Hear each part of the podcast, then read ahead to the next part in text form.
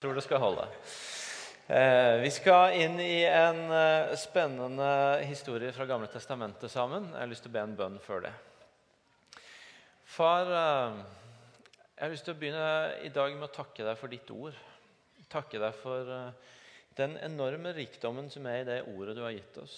Takker deg for dybden i historiene, for hvordan eh, løftene gir oss noe å holde fast i når livet utfordrer oss.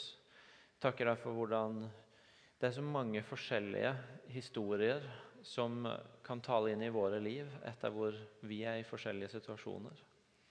Og Jeg har lyst til å be deg denne formiddagen om en sånn oppvåkning både i byen vår og i landet vårt for ditt ord og for rikdommen i det.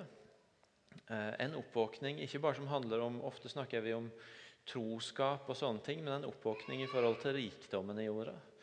Eh, dybden i det hva det kan bety inn i livet, livet våre, hvordan det kan tale til oss.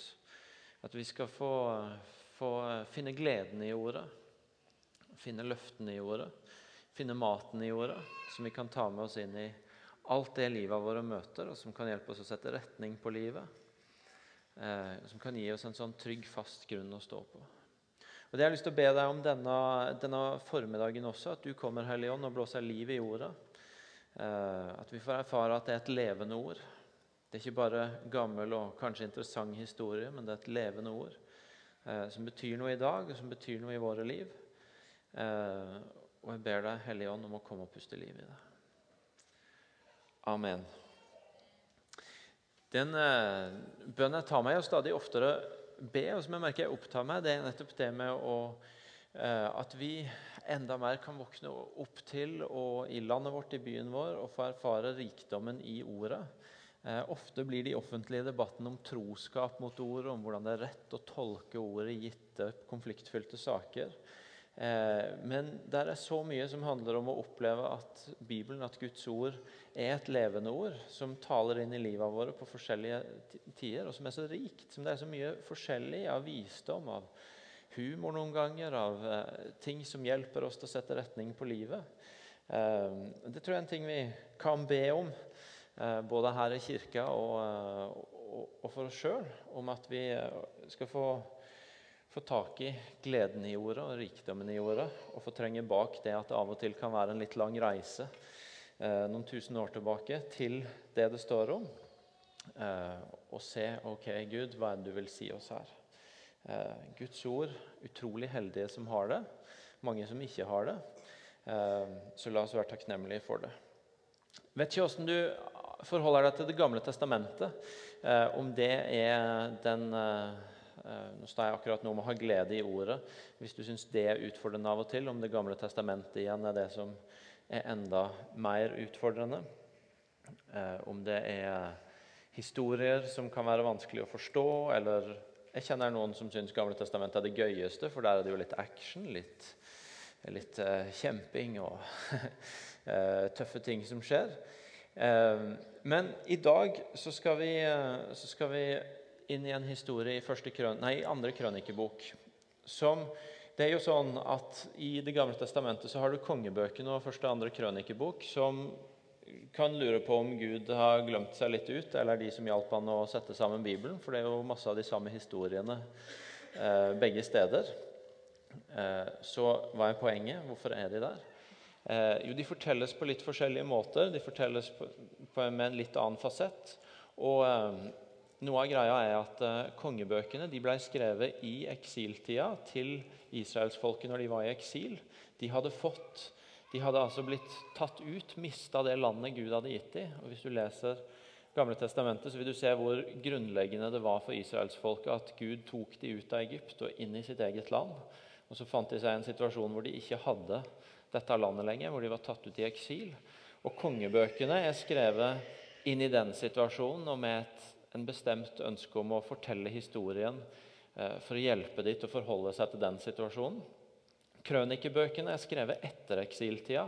og Det betyr at den er skrevet til et folk som er kommet tilbake til landet sitt, og som skal prøve å reorientere seg der de er nå, og hvordan de skal tenke om Gud nå. Og så forteller Forfatteren som skriver krønikebokene, forsøker å fortelle historien om det Gud har gjort med sitt folk, på en sånn måte at de får hjelp til å tenke rett om seg sjøl og om Gud, om den situasjonen de er i nå. Og Det er jo noe av greia for oss òg med Bibelen, siden jeg eh, uten å egentlig ha forberedt det, sa noe om Bibelen i starten. Det er jo, det er jo noe av eh, greia for oss òg med Bibelen at selv om det kan være noen tusen års reise og til en annen kultur, så er jo noe av greia at hvis vi klarer å komme litt under huden på historiene eh, og få tak i noe av det som skjer, det Gud gjør, det, det menneskene der opplever, hvordan de tenker, som, klarer å leve oss litt inn i hva som er dynamikken, så er det faktisk historier som hjelper oss til å orientere våre liv. Som hjelper oss til å tenke noe om Ok, Gud, hvem er du, og hvordan handler du inn i bestemte situasjoner? og Hva kan være noe av utfordringene mine eh, i møte med deg og i møte med livet? Og så kan faktisk disse gamle historiene begynne å leve midt i våre liv og i de situasjonene vi er i. I 2. krønikebok 14 så begynner det å komme en historie om kong Asa. Det er jo sånn at det er massevis av konger i dette gamle testamentet. Og jeg forventer ikke at eh, noen av dere sånn umiddelbart bare skal plukke fram kong Asa og tenke å ja, det var han ja, som gjorde det og det. Eh, for det er mange konger, og det er mange navn, og ikke så mange navn vi bruker til vanlig. Men kong Asa han var altså konge i Juda på den tida hvor folket var delt i to riker. Et rike som ble kalt Israel, et som ble kalt Juda. Kong Asa ble konge i Juda, og det begynner å fortelles om han i 2. krønikebok 14. Eh, det står om at han overtok eh, etter sin far Abia. Og Det begynner å si i 2. krønikebok 14 at Asa gjorde det som var godt og rett i Herren hans Guds øyne. Han var en av de kongene som fulgte Gud, og som eh, trodde på Gud, eh, frykta Gud, og som noe av det som kjennetegner forfatteren av krønikeboken, er at han forteller veldig sånn tydelig sammenheng. Frykta du Gud, så ser det ut som at de regjerte lenge og skjedde mye godt. Frykta de ikke Gud, så ble det gjerne ikke så lang regjeringstid. Det ble ganske, ganske rask stopp på det. Så jeg prøver å fortelle en sånn ganske nær sammenheng mellom det at de holdt seg til Gud, og hvordan det gikk. Og Her står det at Asa gjorde det som var godt og rett i Herren, hans Guds øyne. Eh, og Det begynner å fortelle om hvordan han gikk fram for å fjerne alle avgudsbilder og statuer og offerhauger, og prøvde å få folket til å holde seg til én Gud, til Israels Gud. Og Det står bl.a. om at Asa bygde befestede byer i Juda, for landet hadde ro. Ingen gikk til krig mot han i disse årene, for Herren ga han fred. Han fikk fred, og han brukte freden til å styrke landet, til å styrke sikkerheten, til å gi dem mer stabilitet. Ehm, og Der står mer om det i kapittel 14. Der står også etter hvert om at en gang så dro kursitten Sera ut mot judeerne med en hær på 1000 ganger 1000 mann og 300 stridsvogner. Ehm, går til kamp mot Asa og mot riket hans. Ehm, og Asa kommer i en situasjon hvor det står at han ropte til Herren sin Gud og sa:" Herre, bare du kan hjelpe i kampen mellom den som er sterk, og den som er svak. Hjelp oss, Herre vår Gud, for vi stoler på deg, og, gått, og i ditt navn har vi gått mot denne veldige styrken. Herre, du er vår Gud, ingen mennesker kan stå seg mot deg. Og Så forteller historien hvordan Asa med mange færre menn og et dårligere utgangspunkt, men med Gud med seg, allikevel vinner og, og, står imot det angrepet som kom mot ham. Og Så kommer det første av to vers som er essensen i det jeg skal forsøke å si noe om i dag. For I kapittel 15 så står det at Guds ånd kom over Asarja, sønn av Oded. Han trådte fram for Asa og sa til ham, Hør på meg, Asa, og hele Juda og Benjamin. Herren er med dere hvis dere er med Han. Søker dere Han, lar Han seg finne. Og det, det, er det første ordet. Søker dere Han, så lar Han seg finne, eh, er budskapet Asa får av denne gudsmannen. Søker dere Han, så lar Han seg finne. Det er jo et fantastisk løfte å få. At den allmektige Gud, skaperen av alle ting, eh, gir et sånt enkelt løfte. Hvis dere søker meg, så vil dere finne meg. Jeg er ikke vanskelig å finne. Dere skal ikke være usikre på om jeg hører hvis dere roper til meg eller kommer til meg. Søker dere meg, så skal dere finne meg. Et fantastisk løfte å få for hvem som helst, og også for en som skal prøve å lede et folk. Og Så fortsetter kapittel 15 med å fortelle om at det ser ut som kong Asa holder fast i det løftet. At han søker Gud, og at det, det blir en styrke for han, at Gud lar seg finne. Han, eh, han fortsetter kampen mot å få bort andre gudebilder. Han eh, står om at han fikk folket med på å inngå en pakt om at de skulle søke Herren, sine fedres Gud, av hele sitt hjerte og av hele sin sjel. Det står i 15 vers 12. Så han, han, griper fatt i det løftet, han holder fast ved det. Og, og, det ser ut som det stemmer. og det står at han fikk, eh, Etter hvert så står det at han fikk regjere i over 40 år. Du møter mange andre konger i disse bøkene her som kanskje bare fikk et par år eller kortere tid enn det. 40 år, lang regjeringstid. Han holdt fast i løftet. Søker du Gud, så lar han seg finne. Og erfarte at det stemte. Men så begynner det å skje et eller annet i kapittel 16. Da er det igjen farer som truer nasjonen han styrer. Og Det står om at eh, en israelskongen, Basha, kom opp mot Juda og befesta Rama for at ingen skulle få komme til eller fra kong Asa i Juda. Altså Kongen i det andre riket befester en by som gjør at eh, kong Asa og hans folk, hans nasjon, er innestengt.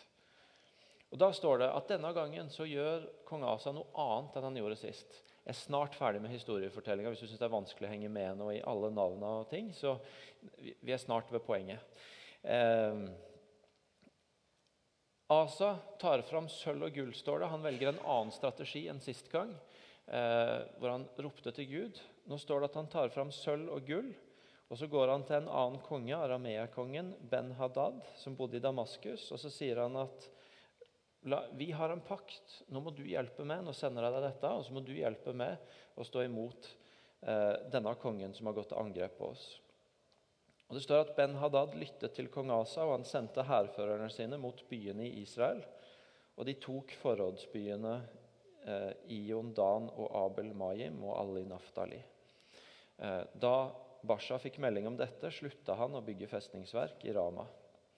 Eh, og det som skjer, er jo at kongen som har angrepet, eller stengt inne kong Asa, får nå en krig fra en annen front, så han må avbryte den beleiringa. Og igjen så har kong Asa fått frihet for landet sitt. Nå kommer det igjen en gudsmann til kong Asa, og han har et annet budskap enn sist.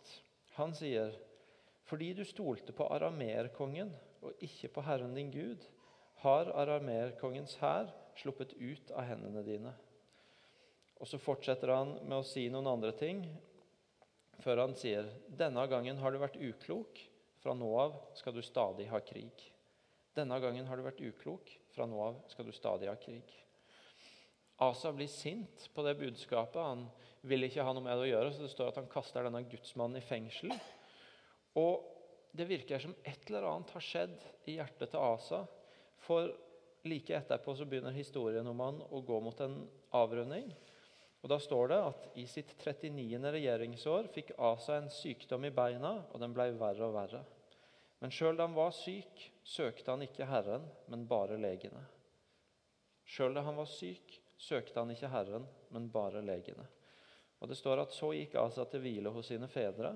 Han døde i sitt 41. regjeringsår. De gravla han i graven han hadde fått hugget ut for seg i Davidsbyen.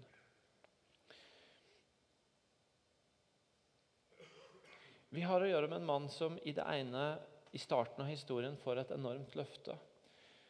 Hvis du søker meg, hvis du søker Gud, så lar han seg finne. Søker du Gud, så lar han seg finne. Og Asa begynner å leve i det løftet, og han får erfaring på at det stemmer. Og likevel så ender han opp på slutten av livet sitt med dette budskapet om at sjøl da han var syk, så søkte han ikke Herren. Utgangspunktet var 'søk Herren, så lar han seg finne'. Og Asa lever i det og erfarer styrken i det. Men på slutten av livet så har han endt opp med sjøl da han var syk, så søkte han ikke Herren. Og Det er nesten som om forfatteren av krønikebokene har et sånt lite ordspill eller et eller annet når, de, når han skriver at de gravla han i den graven han sjøl hadde fått hugga ut. Nesten som om han tok noen valg. Han valgte å avstå fra noen av de løftene han hadde fått, og nærmest gravde sin egen grav. Han ville ikke søke Gud. Det ser ut som det har et, foregått et sånt gradvis skifte i denne kongens liv. som ikke er helt lett for oss å få tak i når vi leser historien. Hvordan skjedde det? Når skjedde det? Hva skjedde det? Eh, men det har skjedd et eller annet som gjorde at der han begynte med å hente sin styrke i Herren, både i møte med fiender og utfordringer fra utafor riket, og i møte med ting han skulle løse eh, i landet sitt Han henta sin styrke i Herren. Så, så, virker det som han gradvis er i en endring til at han ikke ønsker å søke Gud. Til at han ønsker å finne ut av dette på egen hånd. Hva er det som har skjedd? Mest sannsynlig har nok det skjedd med kong Asa at han over tid har kommet i en situasjon hvor han har funnet at han trenger kanskje ikke å søke Gud. At han har gjort seg fortjent til at Gud sørger for ham. Han har vært lydig, han har vært trofast, han har gjort de rette tinga. Han har kjempa mot for å få utrydda avgudsalteret. Han har festa sin lit til Gud. Og antagelig så har han på et eller annet tidspunkt begynt å få fram en sånn sjøltilfredshet av at jeg fortjener Guds godhet. Jeg fortjener at Gud passer på meg. Jeg trenger kanskje ikke å søke Han så mye lenger, for eh, jeg har jo vært lydig så lenge. Jeg har søkt Han så mange ganger. Jeg har sett så mange ganger at Han har grepet inn. Jeg har holdt meg til det løftet. Og Så ser det ut som det gradvis har sneket seg inn en sånn sjøltilfredshet av at jeg trenger kanskje ikke å søke Gud lenger. Han burde egentlig sørge for meg uansett. Jeg har jo vært så lydig. Jeg har jo vært så trofast. Og det er en farlig vei. Det er en farlig vei å begynne å begi seg inn på og tenke at jeg fortjener Guds godhet, jeg fortjener Guds nåde. Nå har jeg stått på lenge nok for han, eller nå har jeg vært lydig lenge nok mot han. Nå, nå regner jeg med at han sørger for meg uansett. Ved starten av dette året så opplevde jeg at Guds ord til oss som kirke var fortsett. Fortsett å grave dypere i Guds kjærlighet. Ikke, dere skal ikke først og fremst gjøre noe helt nytt i dette året, men dere skal fortsette å grave i den kjærligheten som jeg har vist dere, begynt å vise dere av allerede. Og Gjennom den måneden og de siste ukene som har gått, så har vi snakka om det flere ganger. Og jeg opplever at det, det har vært noe av det Gud har vist oss i starten av dette året. At Guds kjærlighet går enda dypere og at han vil ha oss i en sånn mottakerposisjon hvor vi er mottakere av Guds kjærlighet uansett hva livet bringer oss. At det er mer å hente hos Gud enn det vi allerede har sett. At det er mer av Hans kjærlighet for våre liv enn det vi allerede har sett. Og at Han kaller oss til å være i en sånn mottakerposisjon hvor uansett om vi møter gode eller vanskelige ting i livet, så, så befinner vi oss i en mottakerposisjon overfor Han. Snakka sist søndag om når det vonde og onde i livet møter oss at vi flykter ikke fra Gud, vi flykter ikke fra virkeligheten, men vi forblir i en mottakerposisjon overfor Gud, og vi får ta imot av Hans kjærlighet. Og Det er dette jeg tror det handler om for oss i dag òg. Om å bli i en mottakerposisjon overfor Gud. Hvor vi holder jeg fast på at vi trenger Hans godhet, vi trenger Hans nåde. Vi trenger at Han er en som lar seg finne når vi søker Han. At vi ikke blir fornøyde, mette av det han har å gi, men at vi blir i mottakerposisjonen Og vår bekjennelse er at vet du noe, jeg trenger Guds nåde. Jeg trenger Guds godhet. I Bibelen så framstilles Gud som far. Han er den perfekte far, ulik noen jordisk far. Og Bibelen er en historie om hvordan vi, ut fra at Gud er vår far, kan finne ut av å forstå ordentlig hvem vi sjøl er at vi kan finne en identitet i at Gud er vår far, at han elsker oss, at han ville oss, at han så oss når han skapte oss, og så at det var godt. At han er en Gud som vil oss godt. Og ut ifra at vi får kjenne en far som gir oss en trygghet i hvem vi er, så blir det trygt for oss å følge han og være, om du vil, for å bruke et litt sånn ord som kanskje noen av dere har et ambivalent forhold til, å være lydige mot han være lydige mot det Gud sier, og, og, tørre å gå på det han leder oss inn i. Fordi vi vet at han vil oss godt. Vi vet at det er trygt å være i hans vilje. Som vi synger i en sang vi synger mye her i IMI, at det bare i din vilje er fri. Eh, fordi Gud er vår far, og det gir oss en trygghet på hvem vi er, så er det trygt å være lydige mot det han leder oss inn i. Utfordringa for en del av oss er at vi kan stå i fare for å ende opp med å heller ta andre veien eh, på det der. At vi tenker at fordi vi er lydige, så skal vi finne fram til en Gud som er god, og som er vår far. Og på den måten skal vi bli trygge. Og Det er en livsfarlig vei for oss å gå inn på. Hvis vi tenker at veien vår til Gud, eller rekkefølga på ting, ikke er at Gud elsker oss sånn at vi finner ut hvem vi er, men at vi er lydige mot Gud og mot alt det Han sier, sånn at vi gjør oss fortjent til at Han er en god far i våre liv.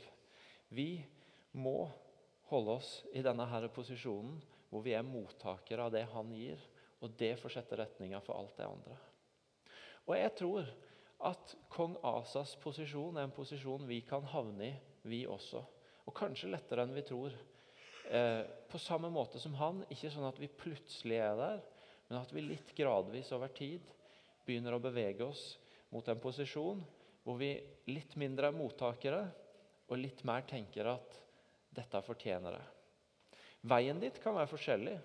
Det kan for noen av oss være nettopp som for han, at vi, vi tenker litt sånn at vet du noe, jeg har fulgt Gud så lenge nå.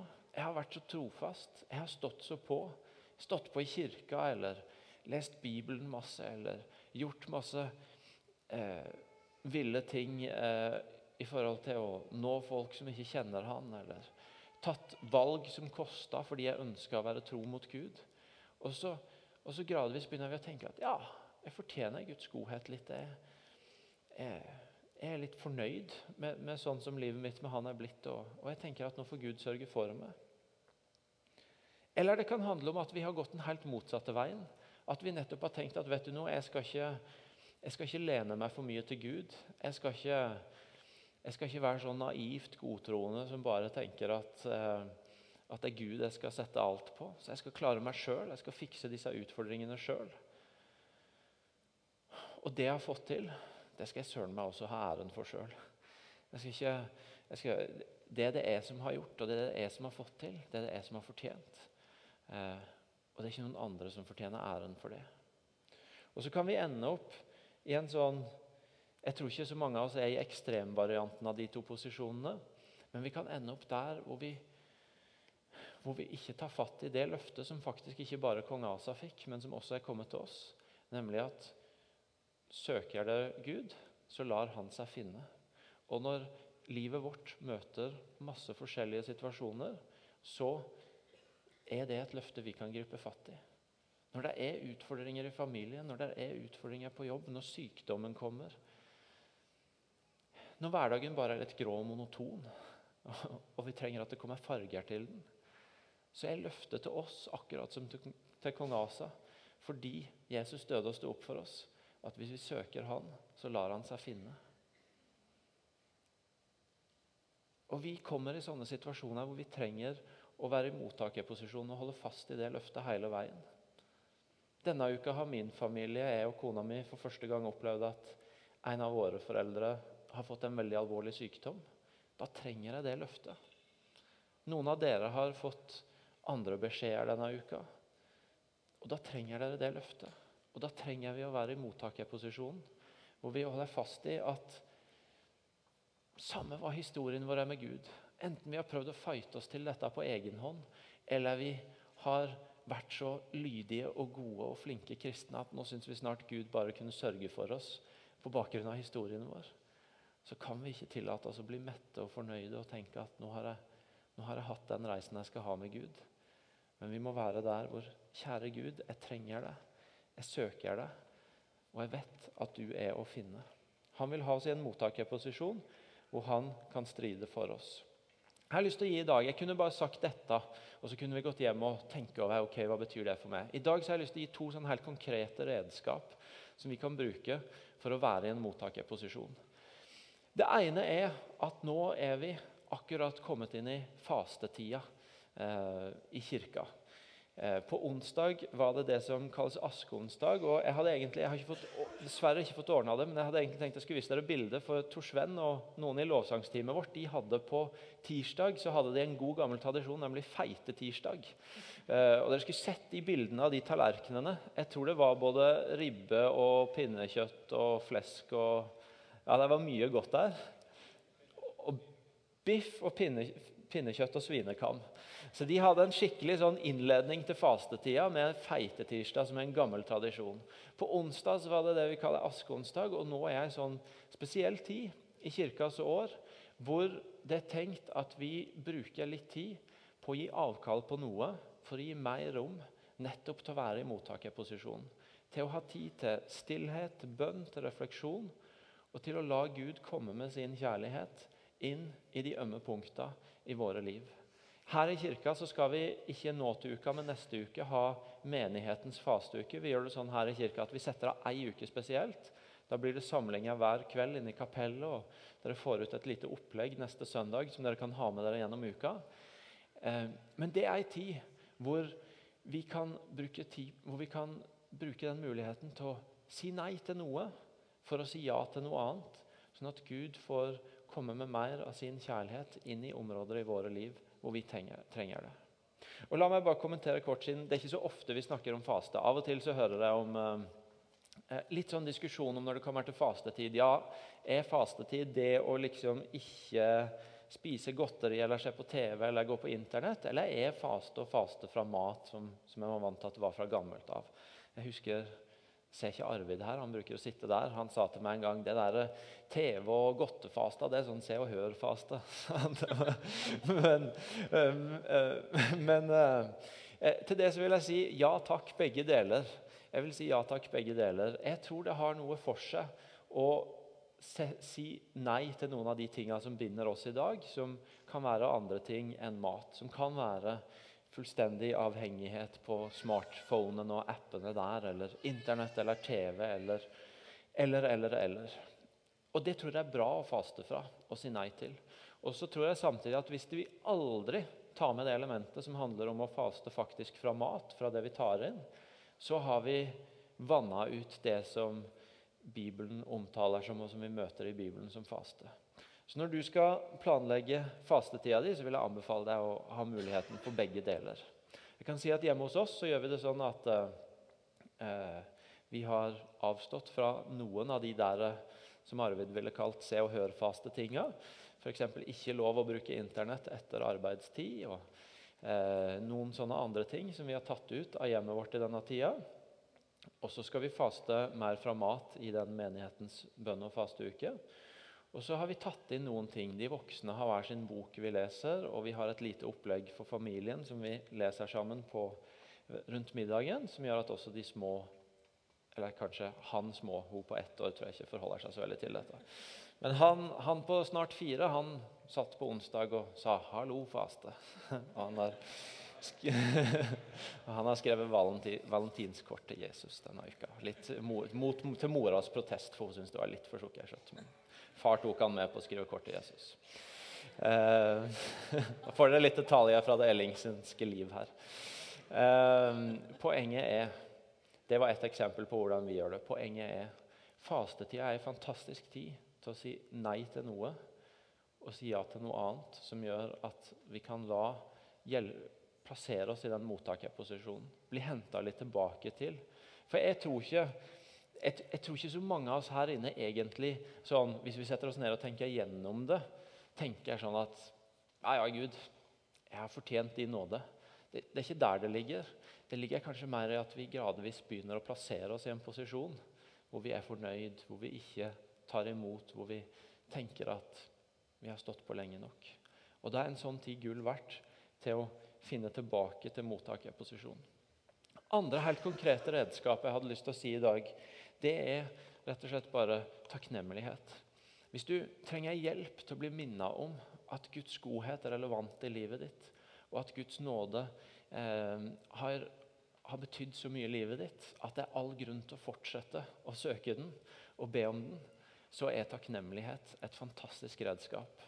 Eh, Salme 24,1 som sier 'Jorda og det som fyller den, hører Herren til'. Du vet, Det er så mye vi kan takke for rundt oss i verden rundt oss. Eh, en klok mann som heter Henry Noven, han har sagt at før så trodde jeg at takknemlighet det var liksom bare en sånn overskuddsfølelse når en virkelig var glad og fornøyd. Men nå har jeg lært at takknemlighet det kan også være en åndelig disiplin. Det å velge å stoppe opp og takke Gud for alt vi har. Enten det er som det verset fra salmene antyda at vi har så mye rundt oss vi kan være takknemlige for.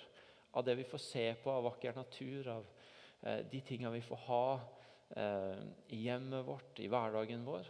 Til de konkrete erfaringene vi har av at Gud har grepet inn, at han har vært trofast, at han har stått med oss i ulike situasjoner i livet. Jeg har en venn som av og til sier at hvis du ikke vet hva du skal takke for, eller hvis jeg kom, setter jeg meg opp en morgen og kommer ikke på noe å takke Gud for, så begynner jeg med sokkene mine. og Så fortsetter jeg med buksene, og så begynner jeg å takke for frisøren min. hvis han syns han var fin på håret den dagen. i hvert fall. Eh, og så bare begynner han egentlig med de helt banale, enkle tinga og anerkjenne at vet du noe, Gud, du er giveren av alle ting. Og jeg vil takke deg for at jeg i det hele tatt har livet, at jeg har de tinga jeg står og går med her. Takknemlighet er et annet redskap for å holde oss i mottakerposisjonen, hvor vi får hjelp til å huske på at vet du noe, alt godt jeg har, det er fra Gud. Og det er ingen grunn til å glemme å søke Han. Budskapet i dag er enkelt. Det er Guds invitasjon til oss. Løftet som kom til kong Asa, kom til oss òg. Hvis dere søker meg, så er jeg å finne. La oss holde fast i det løftet. La oss ikke glemme at vi trenger Guds nåde i livet våre. La oss ikke bli, ta den for gitt. La oss ikke bli fornøyd med det vi så langt har sett. Men la oss være i mottakerposisjonen, hvor vi hver dag sier Gud, jeg vil ha din godhet av det gode du gir. Jeg vil søke deg. Enten jeg har fått en tøff beskjed i dag, eller en beskjed å takke for i dag, så vil jeg søke deg i mitt liv. Dere i lovsangsteamet kan gjøre dere klare, og så kan vi andre reise oss for å be litt sammen.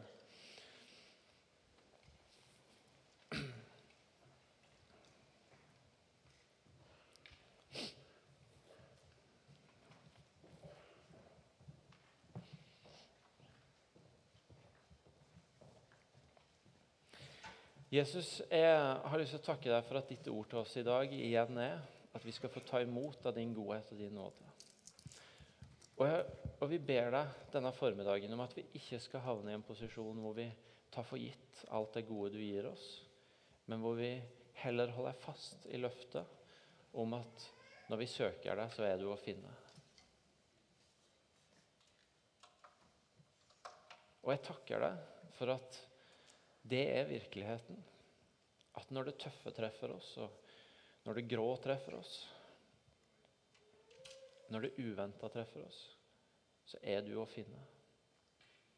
Når vi trenger retning for livet, så er du å finne. Uansett. Når vi søker deg, så er du å finne. Og Denne formiddagen så har vi lyst til å be deg om, om å få bli oppmerksom på din godhet i våre liv om å bli oppmerksom på alt du har gitt oss. Og om å la det få bli en påminner som vi tar med oss inn i det uka bringer, hvor vi igjen trenger å ta imot fra deg.